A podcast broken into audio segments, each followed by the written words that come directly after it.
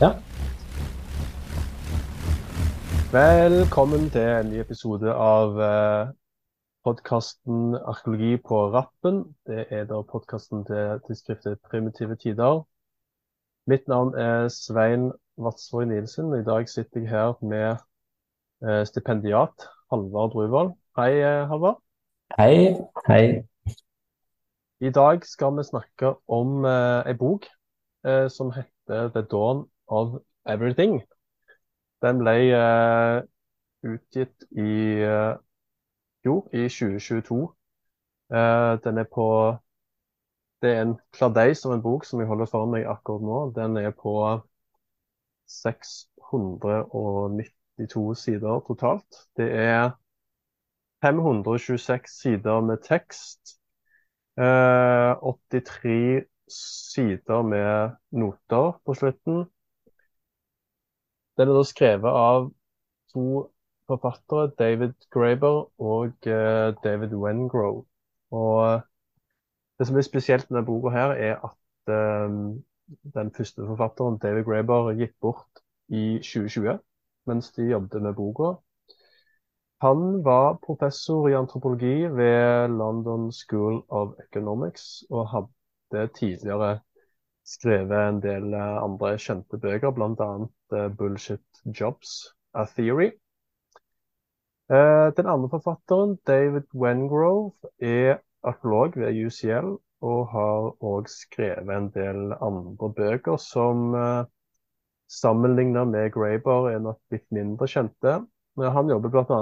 òg med arkeologisk feltarbeid i sitt virke. og denne boka, 'Dawn of Everything', fikk generelt, sånn som jeg har sett, en svært positiv omtale flere steder, bl.a. av NRK.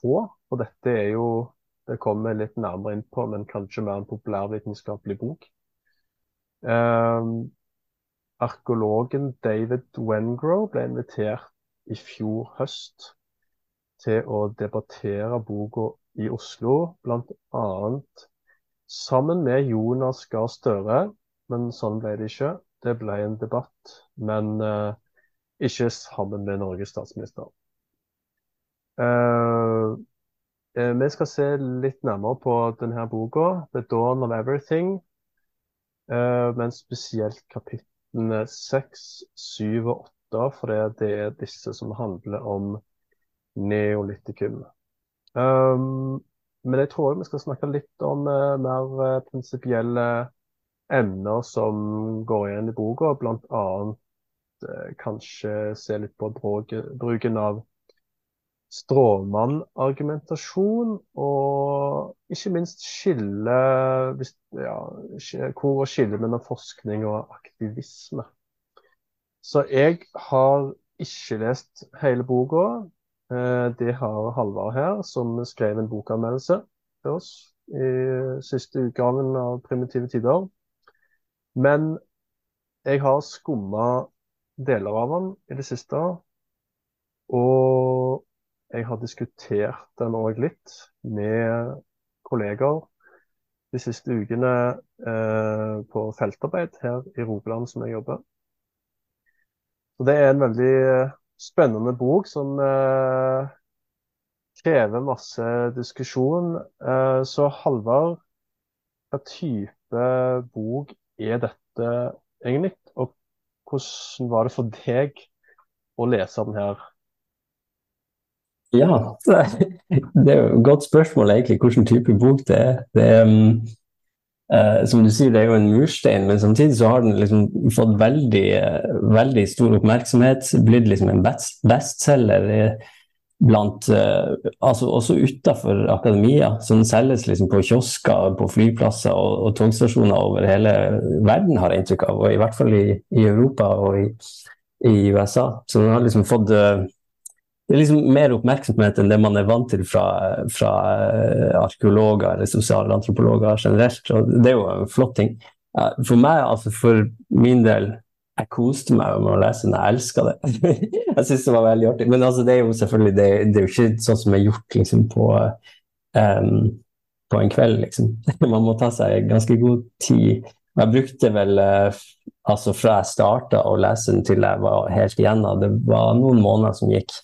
Så det var liksom når jeg, når jeg hadde tid, og så måtte jeg en, en søndag i ny og ne få opp farta litt og få liksom kommet et, komme et, et stykke videre. for å få, Sånn at det er liksom det er, ikke, det er ikke lettlest, men samtidig så er det på en måte skrevet sånn at det skal være mulig for folk som ikke har liksom spesialistkunnskap, til å, å, kunne komme seg gjennom det. Så, ja.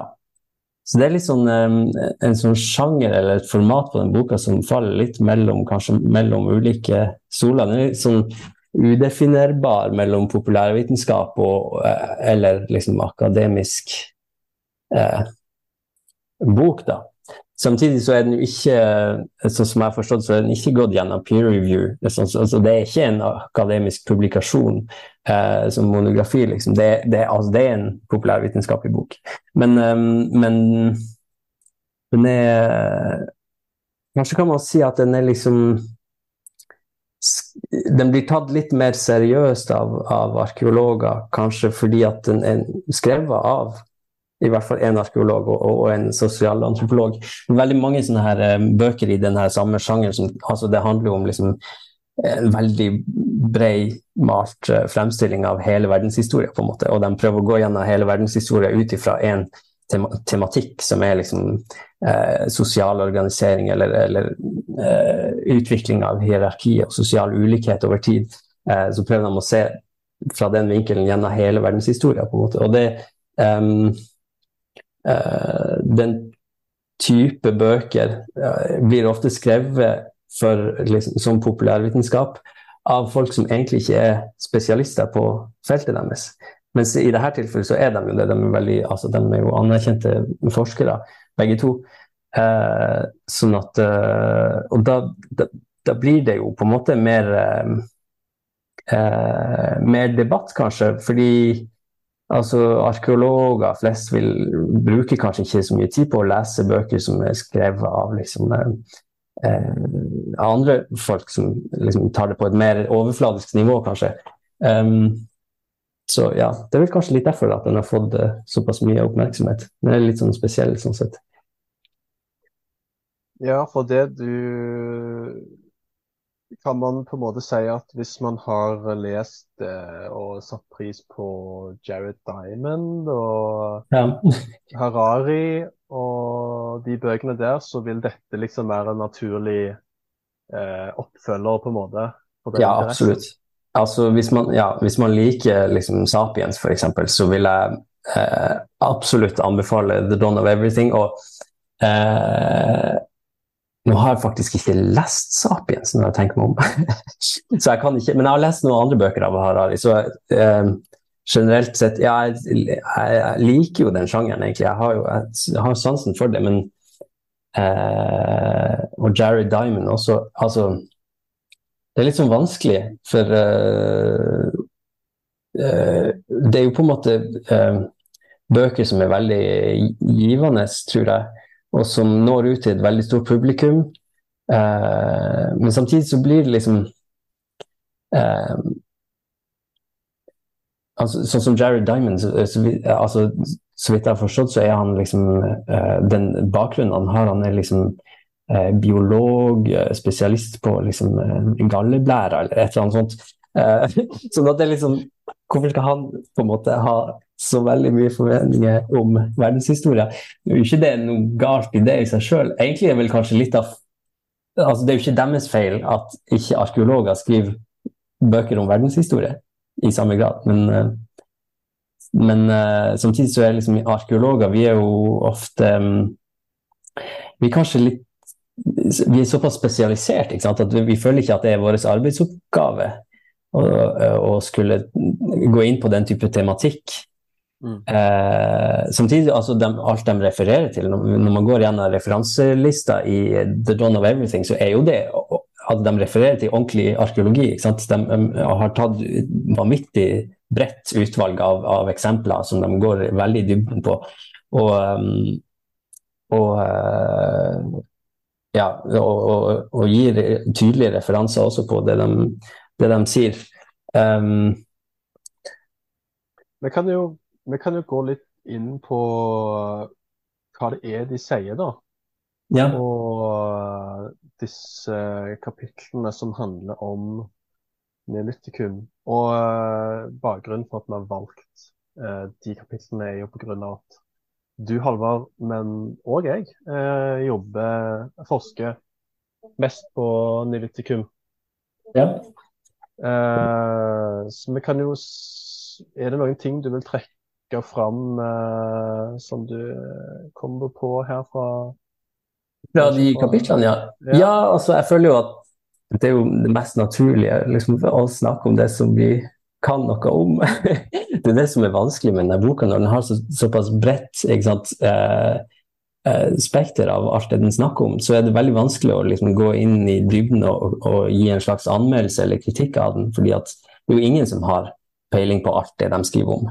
Det, eller veldig få, i hvert fall. Så da må man nesten ta utgangspunkt i det man kan sjøl. Men altså for det, det er liksom overordna som, som det, liksom budskapet deres som går igjennom i hele boka, i alle kapitlene, er um, Det er vel kort sagt kan man si at det er um, uh, De mener at, at, det er ikke noe, noe uh, det er ikke noe automatikk i at storskalasamfunn, eller samfunn med veldig mange eh, store befolkninger, trenger ikke nødvendigvis ha eh, en høy grad av hierarki eh, i styresettet og, og hvordan, hvordan, samfunnet er organisert. Og at det er ikke noe i veien for at vi kan være mer egalitære enn sånn som vi er.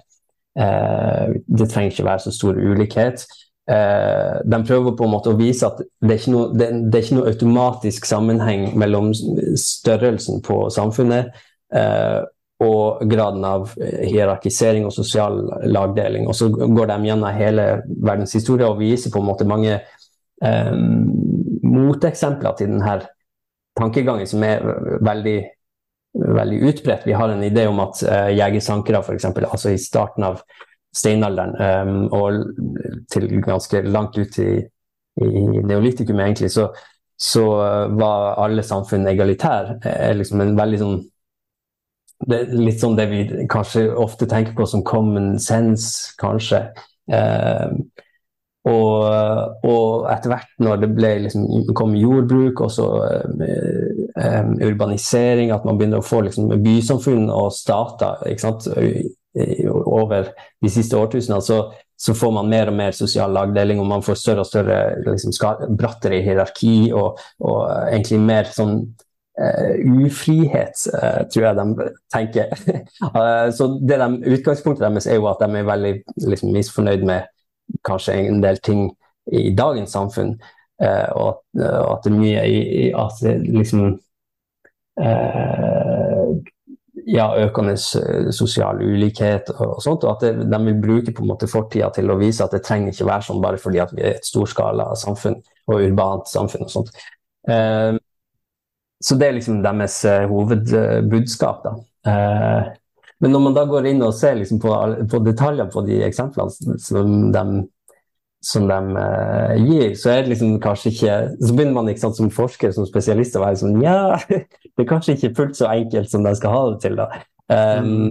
Og det som, altså, ikke sant, så Jeg kan jo ikke kritisere det de sier om liksom, eh, kanskje om eh, antikke Kina eller liksom maya-kulturen, eller hva det måtte være.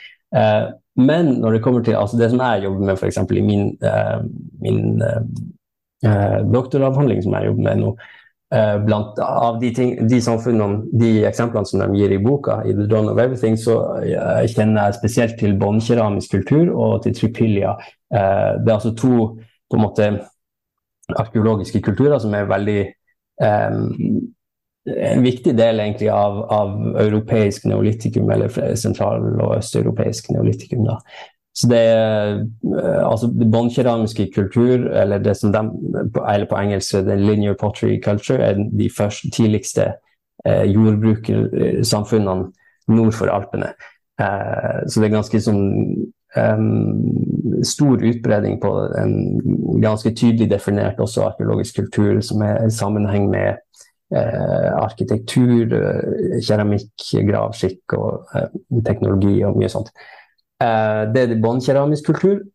Eh, og så har man tripilia, som er eh, egentlig en kultur som er kanskje litt mindre kjent for allmennheten, eller for arkeologer også, men fordi det lå i liksom tidligere Sovjet. Men det er i sentrale Ukraina, da, eh, hvor man har eh, i en periode litt senere, da er det snakk om rundt 4000 før Kristus, er det, eh, var det som fenomen at det ble veldig store bosetninger. Da som er snakk om flere tusen hus. Eh, noe som var eh, egentlig veldig uvanlig på den tida. Um, og, og, det har vært liksom diskutert om det her, er det her de første byene. Eh, fordi det er liksom noen hundre år før tidligste bydannelser i Mesopotamia. Um, så det som uh, uh, Greiber og Wengrow mener om de her to kulturene, da er ja, at eh, båndkeramiske kulturen er, er egalitær. Egentlig mener de at begge, begge er egalitære, veldig egalitære. Eh, og, og, det som er på en måte da, når jeg leser det, altså De presenterer jo på en god måte, og det er mye av det, det, de sier som er riktig. De gir gode referanser og sånt. Men jeg så at liksom, utvalget av, av, referanser som de gir, er litt sånn um, uh, selektivt, da, kan man si. Fordi det, på begge de her så har det vært en, en viss debatt da, om hvor egalitære de egentlig er. Eh, det har vært veldig mye frem og tilbake om hvilken type samfunnsstruktur de har. Eh, de har og, og, det er debatter som overhodet ikke er over på verken for, altså for båndkeramikk eller, eller tripylja. Eh, så det er veldig sånn, aktive debatter som de på en måte har liksom, glatta litt over. Da, og fått det til å fremstille som at det her vet vi at de, de her var egalitære.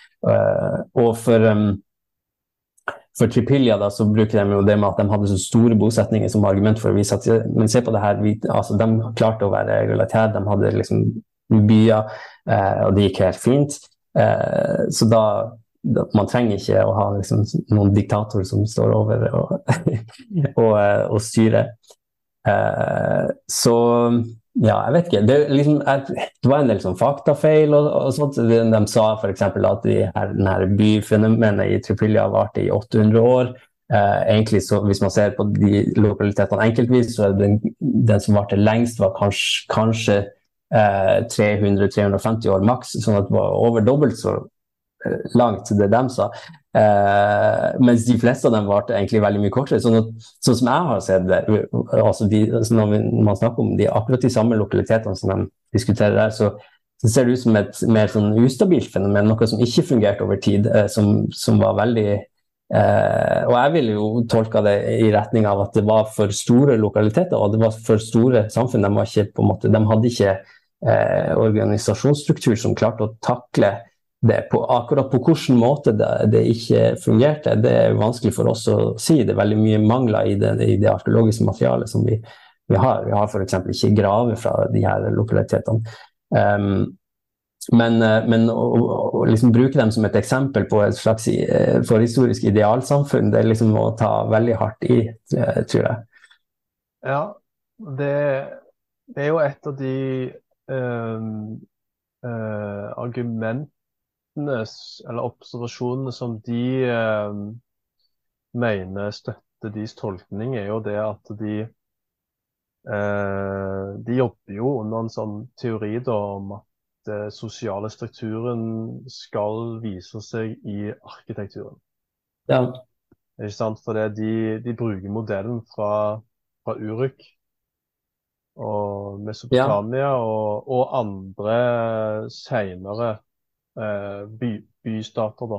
Ja, ja. Som, eh, så sier de at eh, så, så, på en måte jobber de jo under den tanken om at hvis det finnes en, et hierarkisk system, så burde det være synlig i arkitekturen. Og så retter de blikket mot uh, disse her megasites borte ja. i Ukraina. Så sier de at uh, her er det masse hus, eh, og midt imellom de så er det ingenting.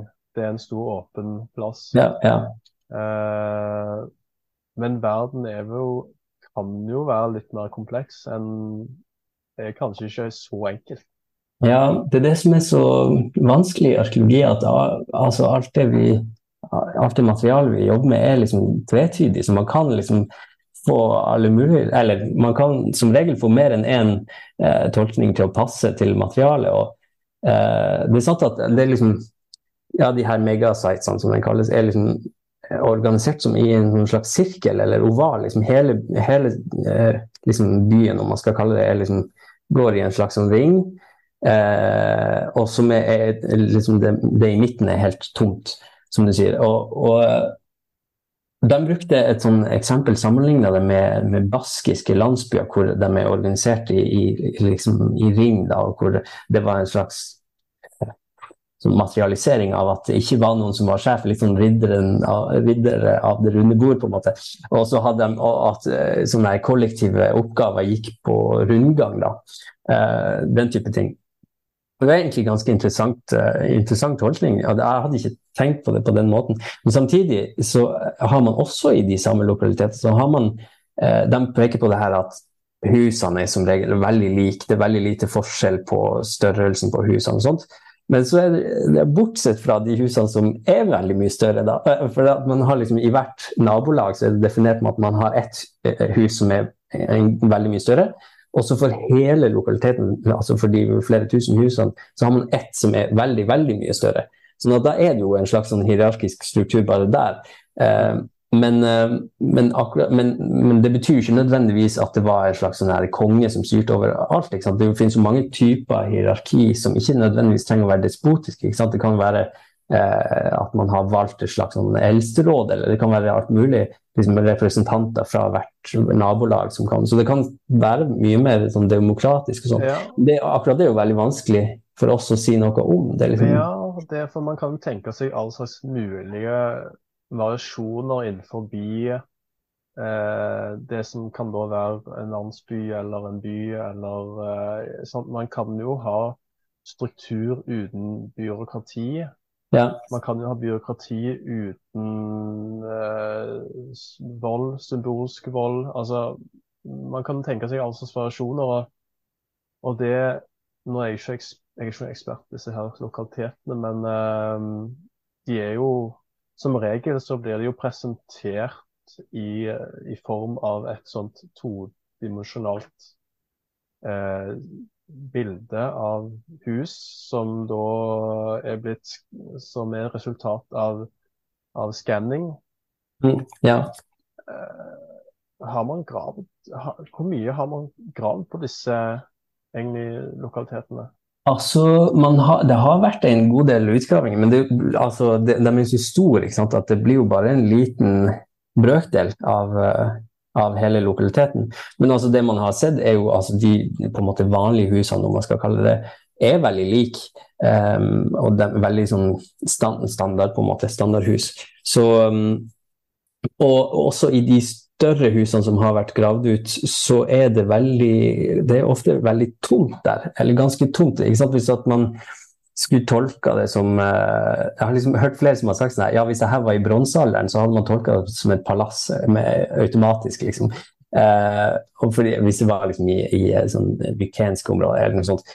Um, mens når det er neolitikum, så blir man mye mer sånn Ja, det er kanskje litt mer demokratisk. eller sånt. Men for, altså, det som på en måte mangler her, er jo monumentale grav. Man har ingen grav i det hele tatt. Fra, liksom, uh, det finnes gravfelt som er tilknyttet samme kultur som er lenger sør mot Romania og Moldova, og sånt, men akkurat i forbindelse med de her veldig store uh, lokalitetene, jeg tror ikke det er funnet en eneste grav. så det, det, er litt sånn ja. mystisk, på en måte. sånn at Mye av den informasjonen som vi vanligvis ville tatt fra gravfelt, den har man ikke tilgjengelig. Og så er de større husene ser ikke ut til å være innreda som på en måte større versjoner av vanlige hus, sånn at det er vanskelig å kanskje se for seg noen slags aristokrati som bor der. Eh, så det kan hende at de bare hadde en helt annen funksjon enn det som eh, en bolig. Så Mm. Det er jo nærliggende å tenke. Og så har det vært litt funn av sånn, eh, litt gull og sånt, men i, de, i, det aller største, tror jeg, i den ene eh, av de lokalitetene. Men eh, ikke liksom nok til det man vanligvis ville eh, forventa hvis det skulle vært en slags sånn ja, en slags sånn fyrste, eller aristokratisk, eller høvding, eller hva man skal kalle det. Eh, bolig, på en måte. Så, ja, det, når du nevner graver, så så jeg beit meg merke i det som de nevner helt på slutten av Jeg lurer på om det er i kapittel åtte så skriver de De nevner jo disse her De nevner noen ulike typer lokaliteter der. og de skriver da på slutten der at disse lokalitetene ble forlatt mot Ja. midten av det fjerde årtusenet før vår tid. Og så skriver de, nå siterer jeg, We still don't know why. Ja. Punktum. Ja. Og så starter de et nytt kapittel. ja. Det, det er litt sånn eh, Sånn har man jo ikke lov å gjøre. Nei. Ehm, og det, det var det egentlig ikke det eneste eksempelet på akkurat sånne ting. Jeg merka det også med de båndkeramiske eksemplene de hadde, som er da, litt tidligere neolitikum, det er vel rundt altså 5000 eller 5005.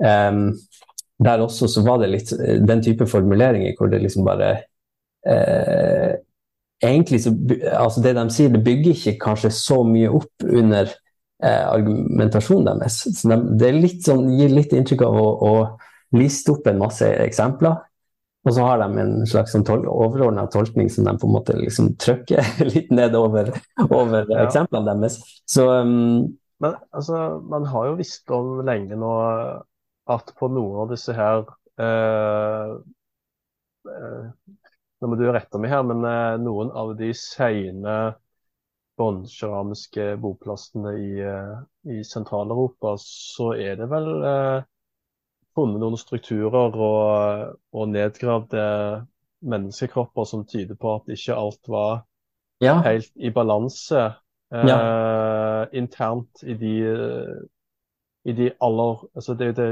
Nå snakker vi altså om det, de aller første jordbrukerne i Sentral-Europa, ja. og hva som skjedde med de mot, mot slutten. Ja, det er jo eh, egentlig et superspennende tema. Vi kunne hatt en egen episode om bare det, nesten. Ja, Men, eh, og de nevner jo litt ikke sant, i, i boka her. så De nevner de her, Det er jo snakk om at man bruker ord som massegrav eller massakre. Eh, fordi man har funnet liksom hele altså, eh, Skull liksom- caps, er det ikke det? ja, ja, altså man, Sånn liksom eh, folk, folk av alle aldersgrupper og, og kjønn og alt som er liksom bare slengt ned i, i sånne her um, vollgraver på en måte rundt uh, de her boplassene. Det er ikke mange eksempler av det, men det er mange nok til at man ser at det er mer enn bare en enkelthendelse. Og man har sett det over eh, Tyskland, Østerrike, eh, Slovakia er det en utgraving nå som, som viser litt det samme. Um, og eh, sånn at det liksom ja, det, det tyder jo veldig på at det ikke var kanskje fullt så fredelig og idyllisk som man Men eh, når de da på en måte trekker frem det her eksempelet, så For de skal jo ha det til å være egalitært, da, det båndkeramiske kulturen. Eh, og, og det er på en måte greit nok, men akkurat de, eh, de der um, da, da får de på en måte et behov for å forklare bort de her massegravene.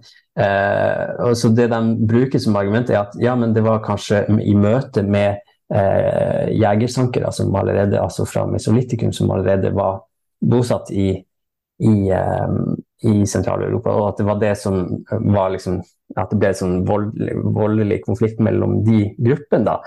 Men det passer liksom ikke helt inn i i datamaterialet. Så altså, det er ikke funnet noe Det er liksom veldig lite om i det hele tatt noe eh, tegn på kontakt i de områdene av den keramiske kulturen hvor man har de massegravene, som er altså Sør-Tyskland, Slovakia, eh, Østerrike. Det er egentlig de tidligste områdene som ble der hvor, altså der hvor um, denne kulturen først ble etablert. Mens de sier selv også at eh, den mesolittiske bosetninga var mest langs kysten av Europa på denne tida, sannsynligvis. Eller det er der man har mest dokumentasjon. Sånn det, og det er der man også har eh, de tydeligste sporene på eh, noen som helst form for interaksjon mellom eh, jegersankere og bønder. Eh, det er liksom i randsonen av denne Sånn at de, de, de, to tingene passer ikke helt i lag. Da må man liksom se for seg at det kom et eh, jegersankere fra kysten og reiste langt inn i Slovakia for å liksom ha eh, kone, eller hva det, er de påstår å ha liksom gjort. Eh, så jeg kjøper ikke helt den. Og, og liksom, da må man heller forklare ut av at de områdene som var tidlig etablert som jordbruksområder, at det var der man først så symptomer på at det var sosiale gnisninger innad i samfunnet som gjorde at det på en måte eh, skar seg. Da. Og det, det, er jo eh, hele den her båndkeramiske kulturen, eller i veldig stor grad går nærmest kollapse over ganske kort tid i starten av det hva det blir, 49. århundre, nei 50. århundre. Eh, og, um, og og så går det litt sånn her en overgangsperiode med veldig lite bosetning, og så har man eh, plutselig en nye kulturer som oppstår her og der, som, som har litt sånn anna eh, ja, ganske andre trekk og annen plassering av lokalitetene og sånt. Mm. Sånn at det liksom hva, hva heter disse, Kan du nevne navnet på noen av disse her eh, liksom, kulturene? Uh, de som ikke kjenner ja, godt til altså, Ja, de, de, det blir på en måte veldig mange mindre. Det er vel uh, altså I Slovakia så, og Ungarn så kaller man det lengjel. Uh, mer vestover så er det jo Cerny i Frankrike. Man har Michelsberg, mener jeg, i Tyskland, osv. Så, så og røsten. Nå husker jeg ikke helt i farta, det, det, har jeg lært på skolen. men, ja, det, men det, det, er jo eh, grupper som eh, de som nå har studert litt tidlig ja. jordbruk og neolitikum i Skandinavia, vil nok ha liksom vært borti noen av disse her gruppene. Ja.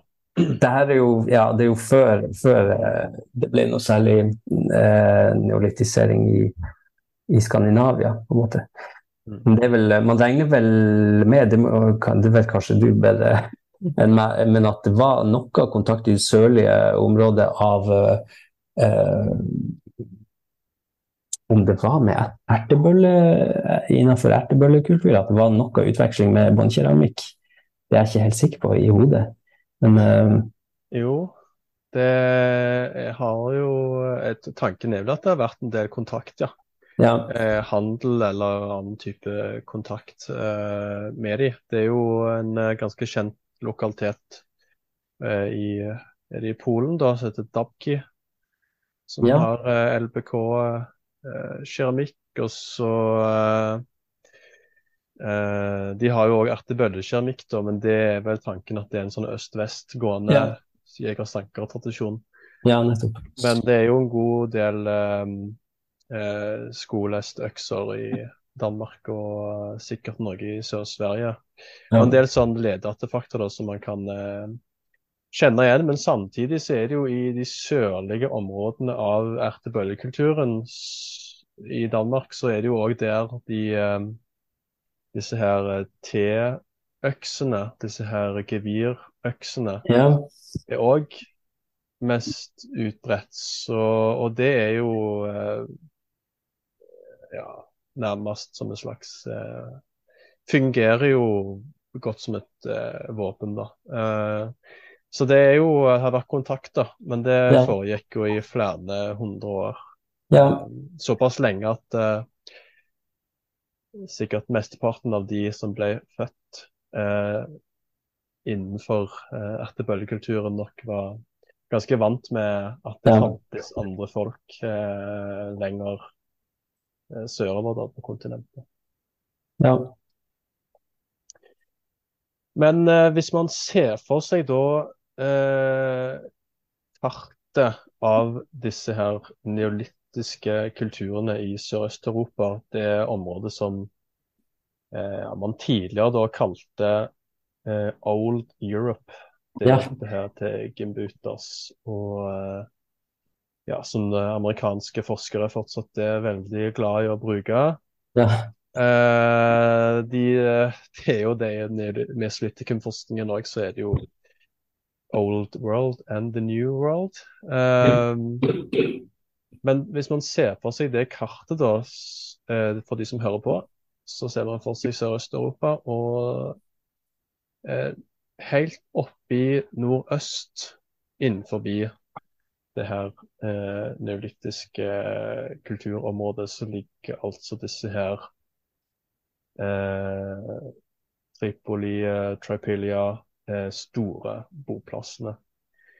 Um, og de forsvinner jo da etter noen eh, hundre år.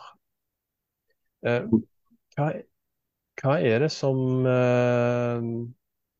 Hvor blir det av de menneskene? Altså, de skriver ikke noe om det i boka, de bare blir om til luft.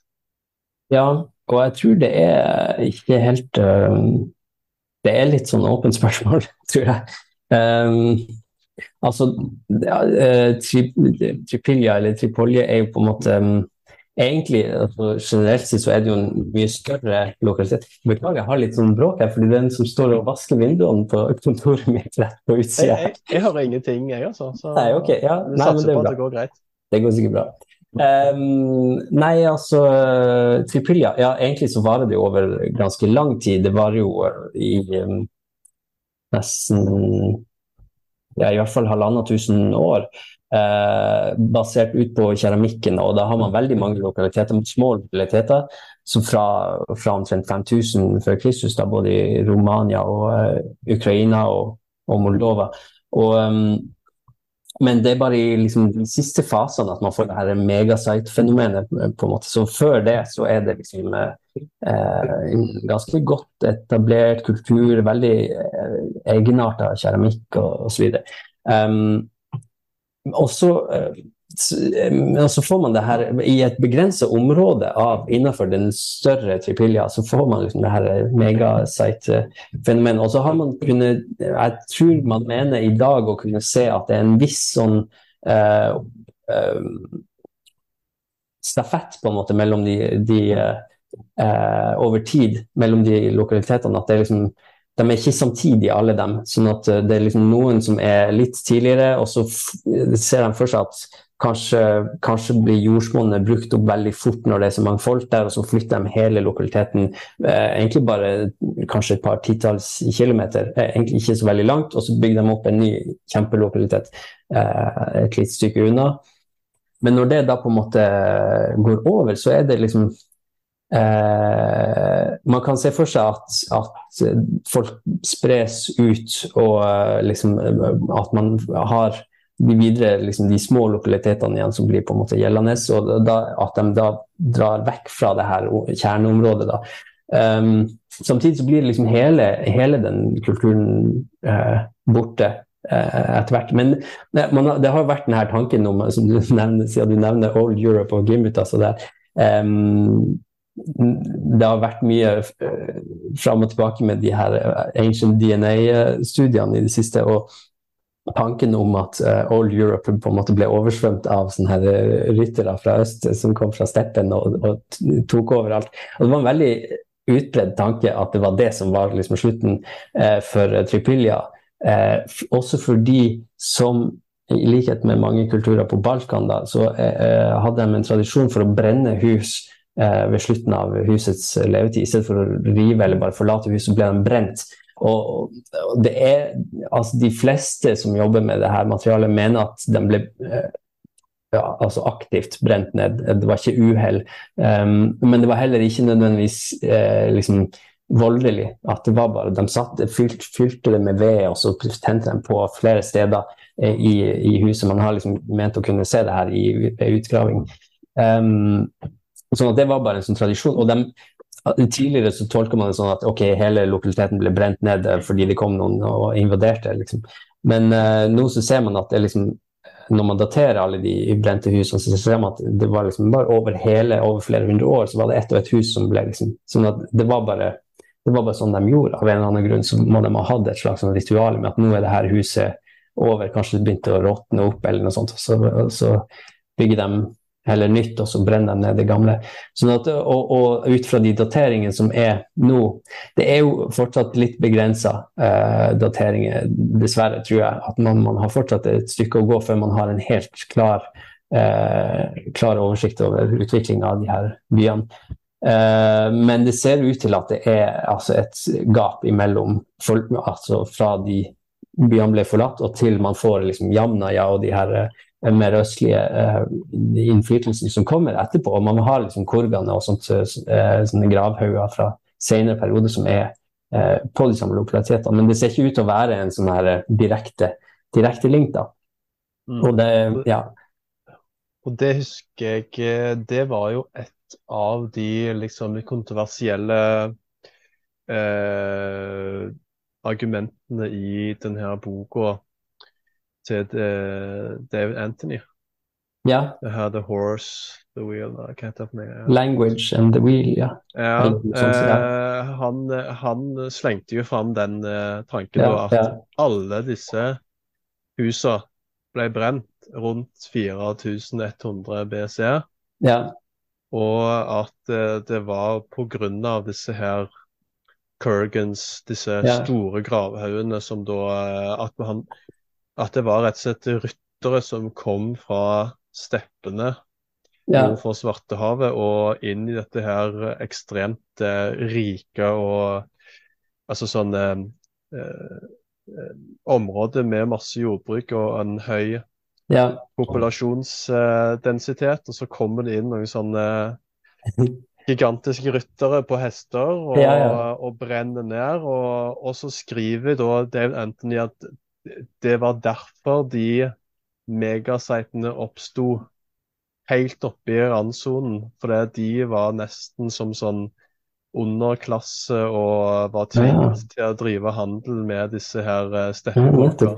Jeg har faktisk ikke lest den boka. Den, det, høres litt sånn, det høres veldig spennende ut. Men det er jo litt sånn Game of Thrones-aktig. at man har Det er sånn veldig Game of Thrones. Du kan se veldig for deg. eh, Men Ja, det er ja. veldig viktig at man kan få fram da, ja. at ikke eh, alle disse husene ble brent ned Ja. samtidig. Altså, den boka eh, den er, begynner vel å bli nesten 20 år gammel, tror jeg nå. Og i, ja, det har skjedd veldig mye i sånn siden da. Altså, de var jo det, det var jo kjent av sovjetiske arkeologer før, før eh, altså mens Sovjet fantes, og da ble det liksom ikke tatt helt seriøst av vestlige arkeologer fordi at man trodde ikke på det. Det, liksom, det så for spektakulært ut til å være sant, nesten. sånn at det ble liksom ikke helt tatt seriøst eh, eh, før liksom Eh, mens ukrainske arkeologer har liksom fortsatt med at ja, det er noe det her vi driver med, det er noe sånn, det er noe sånn forhistorien vår er. Liksom. Og, og så har det liksom kommet inn flere sånne her internasjonale prosjekter nå de siste 10-15 årene. Hvor man har, Og så har man fått de her, eh, her. Altså man har kartlagt dem med georadar eh, og fått veldig mye tydeligere bilder over hvor store de faktisk er. Og siden, de, siden de fleste husene også er brent ned, så vises de veldig godt på georadar, så man får utrolig sånn, spektakulære eh, eh, landsbyplaner eller byplaner liksom, bare av å kjøre en maskin over, over jordet hvor de, hvor de er. Liksom. Eh, sånn at og med de her, altså Da har det kommet mye mer dateringer det man hadde tidligere. Sånn, sånn at eh, Jeg tror ikke man kan, man kan liksom ikke klandre han David Anthony for å ha altså Det var en veldig sånn livlig eh, eh, idé. Og det var vel kanskje ikke egentlig hans idé heller i utgangspunktet, men han liksom på en måte Nei, det er jo eh, Hvis man har lest disse her bøkene til han Mallory fra tidlig på 90-tallet, så er det mye av det samme nå. Ja, ja, det er jo det. Det, Det er jo bøker som Gimlet- Marie Gimbutas var vel kanskje også Gimbutas òg, ja, ja, ja, det er klart det. Det her er jo på en måte fotnoter til Gimbutas. Ja. og det er jo det er på en måte populærvitenskapelige bøker eh, som, som ønsker å, å, eh, å vise at Gimbutas da var inne på noe, mens Ja. Colin Renfrew eh, ikke var det. Ja, I spørsmål om eh, spredningen av de indoeuropeiske språkene. Ja og, det, ja, og det kan jo trekkes egentlig tilbake til den her Dawn of Everything. Da, fordi at altså med, eh, altså En av tank, tankene til Gimutas var jo det her med at liksom, eh, den her mannlige krigeridealet kom med de her eh, Jamna ja, eller hva man skal eh, Eller um, at det er med de her kurgan-populasjonene, da. Og at det Old Europe var mer sånn der em, hun, var vel nærmest å si matriark, matriarkalsk. Jeg er ikke sikker på om hun brukte det ordet, eh, men det var, at det var veldig mye mer likestilt, i hvert fall. Eh, og det er jo på en måte også en, en god idé å, å, å ha. og Man, jeg tror ikke man kan klandre henne for å ha eh, framsatt Eller det var bare bra å ha en sånn idé, men i dag, når man ser f.eks. På, på en keramisk kultur, man har fått veldig mye mer info om det her. De har gode bevaringsforhold for skjelett. Eh, og, altså hvor man har de her massakrene. det, eh, det virker som at det er veldig mye mer eh, belegg i dag for å si at de var ikke egalitære, og i hvert fall ikke om de ikke var liksom sosial, liksom lagdelt, at de hadde liksom et sånn pyramidehierarki, liksom. kanskje ikke. Men at de hadde liksom, At de var liksom kjønnslikestilt, det tror jeg ikke man kan si. Det, det ser veldig Man kan si kanskje dessverre, men altså liksom jeg vet ikke om man trenger å lete etter et sånn type idealsamfunn i fortida for å kunne liksom, kjempe for å få det i dag. Mm. Man har ikke behov for å, å trykke på et fortidssamfunn, en, en, sosial organisering som de kanskje egentlig ikke hadde, bare for å kunne bruke et som politisk argument i, i, dag. Og Det er litt det som Greber og Wengdal gjør, da, på en måte.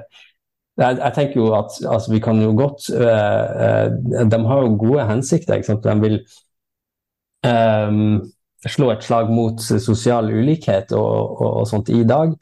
Uh, men det kan vi gjøre uten å, uten å på en måte liksom tvinge inn ulike tolkninger i fortida hvor det kanskje ikke passer så godt til materialet. Men altså, man må jo selvfølgelig lete etter det. For det kan jo hende at man, hvis man ikke leter etter det, så finner man det jo aldri. Eh, men samtidig, når, når man liksom har eh, godt belegg for andre tolkninger, så, så blir det liksom litt feil, kanskje. Men ja. Nå er vi inne på sånn konklusjon her, og, og hva boka prøver å, å, gjøre. Og det, det som jeg eh, hang meg litt opp i når jeg eh, leste konklusjonen, var at der, der kommer de inn på dette begrepet deres, eller The Dawn of Everything. Hva er det? Ja. Og, og da, da, bruker de eh, Eliade, altså han eh, religionshistorikeren ja. eh, eh, sine arbeid som eh, inngangsport, og de, de trekker fram det her at eh, han Mircea, Mircea, jeg vet ikke hvordan du uttaler fornavnet. Men, Nei, jeg vet ikke heller. ja, eh, han var vel rumensk. Han ja. eh, skrev at eh, han hadde den her teorien om at eh, den store forskjellen mellom moderne europeiske, vesteuropeiske samfunn og tradisjonelle samfunn var eh, at de tradisjonelle samfunnene hadde en felles oppfattelse om at alle viktige hendelser allerede hadde hendt. Og at det som de skriver, Graeber og Wengrow, er jo det at denne mytiske fortiden eh, er det som de kaller the dawn of everything. Ja. Eh, og Det går da ut på at uh, denne tankegangen til disse her, som det han kalte tradisjonelle samfunn, var at uh, alle store hendelser i nåtiden, f.eks. hvis et land går til krig, eller hvis en person utmerker seg uh, innen et eller annet uh, innen et samfunn, da, så, vil, så vil den hendelsen eller den personen, det vil bli forstått først og fremst som en kopi eller en etterligning mm. av en uh, gammel dåd. F.eks. Ja. Uh, at man, at man uh, i greske samfunnet sikkert tolka hendelser og, og, og, historier som i lys av det som skjedde i Iliaden, eller ja. ja. Og da Eh, og da mente han eh, Ja, de trekker fram at det er en forskjell mellom lineær tid mm. Eh, og den her at tiden både har, har stått. Altså man var ja. ikke på vei mot noe. Men um, jeg syns det var en Jeg ble litt sånn overraska over at det var, det var det de valgte å rette tittelen mot. Ja. jeg ser, altså, I disse kapitlene om neolitikum så Jeg fikk ikke helt sånn uh, følelsen av at det handler om the dawn of everything. Uh, ja, det er litt sånn. Det var litt ja. sånn uh, Syns jeg var litt sånn merkelig. Det, det, er litt mystisk. Jeg tror de på en måte prøver å alludere mot flere ting, egentlig. Altså, jeg oppfatter det litt som eh, at eh, altså ut, De sier noe i forordet også om at de, utgangspunktet deres var å finne the dawn of eh, social inequality, eller noe sånt. Men at jo mer de gikk inn i temaet, jo mer så de at det fantes ikke noe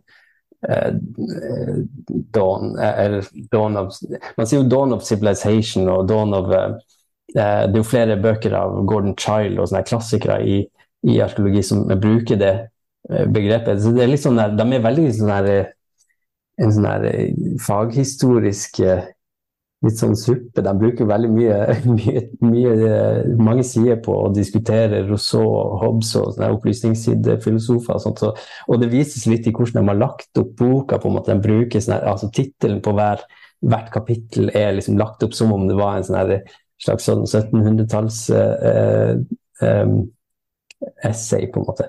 Um, Nei, det, det, er merkelig. Men jeg syns egentlig det var altså, Det er jo på en måte en av de tingene som ja, En av mange ting i denne boka som er litt sånn tankevekkere, på en måte. Liksom, hva er forskjellen, hva, hva, er det som har skjedd med samfunnet vårt i dag, og hvorfor er vi så annerledes? Eh, altså i den moderne verden, kan man si, fra alle andre samfunn. Og de, så, eh, ja, kanskje. Det, det, er veldig vanskelig. Men eh, men uh, jeg har jo liksom sansen for den tanken at, at uh, vi, vi, tenker veldig lineært i dag. Eh, samtidig så er det jo altså Hvorfor studerer vi det hele tatt arkeologi? Det er jo fordi vi prøver å lære noe av fortida.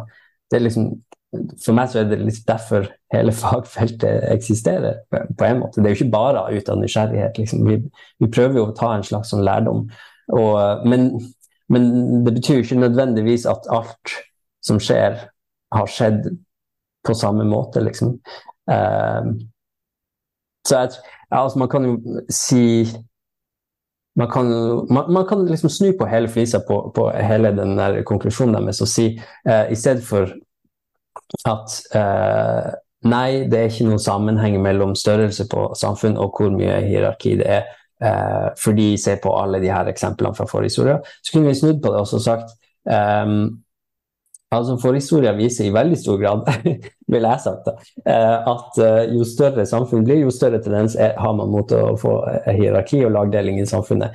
Derfor så er det en desto større utfordring vi har i dag. Og det krever enda større innsats fra oss i dag for å kunne skape noe nytt som kanskje aldri har eksistert før. Hvor man har storskala urbane samfunn med demokrati, med eh, liksom, lav grad av, av uh, sosial ulikhet osv. E, eller um, likestilling og, og, alt mulig. sånn at man kan liksom man kan også, man trenger ikke bare finne sånne, lete etter idealsamfunn i fortida, man kan også lete etter skrekkeksempler på ting vi ikke har lyst til å, å kopiere. Og, og, jeg tror Vi må ikke undervurdere det at vi kanskje lever i en tid som ikke har, som ikke har noen direkte paralleller liksom, fra tidligere tider kanskje. Men, eh, men, jeg tror nok der, akkurat der så ville de vært veldig uenig i det jeg akkurat sa. Men uh, det er noe så. Det må man ha lov til. Jeg, altså, jeg syns likevel det var en fantastisk spennende bok å lese. Så det er liksom ikke alle bøker man, kommer for, alle de tankene liksom, som eh, Og hvor man likevel får brukt liksom, det man Eller får liksom utfordra litt det man, det man uh, kjenner av forhistorie på den måten. Ja, det Burde det vært mye mer sånne bøker? Ja, ja eh, Er det et spørsmål? ja, jeg lurer på. Altså, det, man kan tenke seg at man, eh, man studerer, tar en bachelorgrad ja. i arkeologi. Eh, man tar en mastergrad rett etterpå, og så kanskje man jobber litt, eller man går direkte inn Ja. og får et ph.d., eh, så etter noen år så kanskje man får en postdoc, Ja. og så blir man eh, kanskje kommer opp i 40-åra, og så prøver man å få fast jobb, og, og så kanskje man blir professor når man er litt eldre, og, og så er dette det som liksom som, som er det man kan tilby, da. Ja. Folk. ja. Kan det være en slags sånn Er det sånn det funker? Sånn det, man må jo Man må jo ha tid til å Ja, ja. skrive Altså, jeg bare tenker på hva er sannsynligheten for at disse bøkene kommer ut? Nei, det er jo ikke Altså, den er jo ikke tilrettelagt for at man Nei, skal skrive sånne bøker. Nei, nei, nei. Og ikke for å, å lese dem heller. Men, men um, jeg skjønner ikke hvordan de har fått det til. Altså, det er helt, egentlig helt utrolig. De må de skriver jo òg at de òg forstår ikke helt hvordan Nei. Altså sånn Ja, jeg tror de har gjort det litt sånn på trass, nesten. Altså, jeg tror det er veldig mye sånn, sånn forskningsinfrastruktur som jobber litt imot at vi skal få til sånne altså det jo, Og det har mye med liksom, hvordan det finansiert og sånt. Altså, det er liksom Hvis vi skal liksom go with the flow, som det heter på dårlig norsk, Mm. så, så går vi jo mot å skulle bare skrive korte artikler på et veldig hyperspesialisert emne, eh, som kanskje ikke Altså, det er jo viktig det man gjør, men det leses ikke av så mange, og, og vi har ingen tid til å drive med formidling. Um, eh, utenom sånne podkastepisoder i ny og ne, kanskje. Men eh, um, jeg tror at eh, det er nok ikke noe realistisk å skulle forvente at det kommer mange sånne her type bøker i fremtida. Men det som hadde vært bra, ville jo vært hvis man kunne hatt liksom eh, Hvis det var litt lettere å kunne samle sammen større team med folk som er liksom spesialister på ulike ting, eh, som kan gå sammen og så lage en sånn bok i lag. Og det er jo det som skjer når man lager sånne her edited volumes på en måte i akademia, hvor man har liksom eh, Så har alle i praksis så er det jo ofte sånn at da skriver jo alle hvert sitt kapittel uten å nødvendigvis ha nærmest snakka i lag i, i, i før, og så har man en sånn editor som, som skriver en innledning og en konklusjon, og så blir det veldig sånn det er liksom det beste man får til, men det blir veldig oppstykka. Og, og det blir liksom det, eh, Man leser ikke fra, fra A til Å, man går kanskje bare inn, og så blir det som en egentlig artikkelform i praksis. Eh, likevel, så man måtte ha litt mye mer tid for å kunne eh, samarbeide over tid, jobbe, altså jobbe tett i lag. Folk som kan ulike ting. Eh, og kanskje jobbe med ulike perioder og ulike Og da ville man også fått eh, kanskje færre faktafeil enn det man har i, i The Dawn of Everything. Eh, altså, det er jo, jeg så da jeg skrev denne anmeldelsen, altså, leste etterpå da, litt andre anmeldelser som andre folk har skrevet, eh, som kommer med veldig lik kritikk. Liksom. Sånn at, ja, jeg kan ikke si så mye om alt det andre, men akkurat det jeg har greie på, det var ikke så veldig bra. Liksom. Eller det var liksom litt sånn mangelfullt. Eh, og det er jo forståelig, sant? Det, det er jo ingen som kan alt. Og det tror jeg ikke dem heller kan. Så, men de har jo gjort et veldig godt forsøk, da. Men eh, ja, jeg tror vi, jeg tror vi liksom eh, Vi er kanskje blitt litt for spesialisert. Eller så er vi blitt liksom for atskilt fra hverandre, på en måte. At vi, vi er ikke så flinke til å bruke hverandres kunnskap til, til å og det er liksom bare innenfor arkeologi og innenfor hver fagdisiplin, men når man går på tvers liksom, av ulike fagdisipliner, det er jo kjempevanskelig å få til i praksis. Det er egentlig synd. Det som er bra her, er jo at de har jo en sosialantropolog og en arkeolog. Eh, bare det er jo gull, på en måte. De får så mye mer ut av det eh, enn hva man ville fått med bare bøker som bare er skrevet av arkeologer. Så ja. Ja.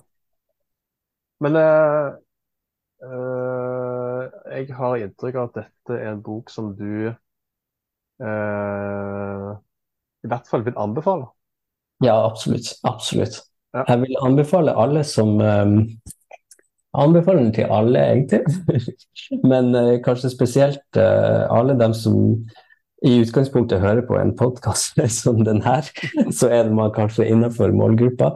Um, men um, ja, absolutt. Det er, noe, det er noe å kose seg med, rett og slett. Man trenger ikke å lese hele. Man kan lese det kapitlet som man sjøl er mest interessert i, liksom.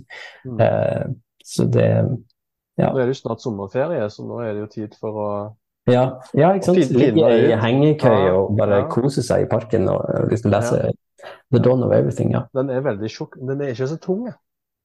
Nei, Den veier ikke så mye. altså tung lest, men du Den er så tung, altså den veier ikke så mye. Ja, synes ikke Du kan det? ha den med i, uh, Nei, ja. i sekken din på flyet. Ja, Den tar ikke så mye av den vekta du kan ha med. og ja. Jeg hadde den med overalt da jeg drev og leste den. Det er jo, ja. Det er veldig mye som notater bak i boka som man kan bare hoppe over hvis man ikke, hvis man, um, ikke er Mm. liksom spesielt interessert. Så Ja. Nå har det gått en time. Oi, yes. Er det innafor? Nei, jeg mistenkte at det var mye å si om denne boka her. Å ja. Ja.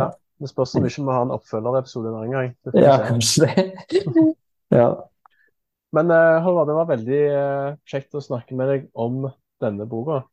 ja. Eh, takk for at du skrev anmeldelsen til oss. Og eh, eh, ja, kanskje vi kan eh, få deg tilbake i en annen anledning i framtida. Gjerne det.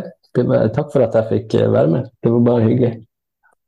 Da sier vi takk for oss, og på gjensyn til neste episode.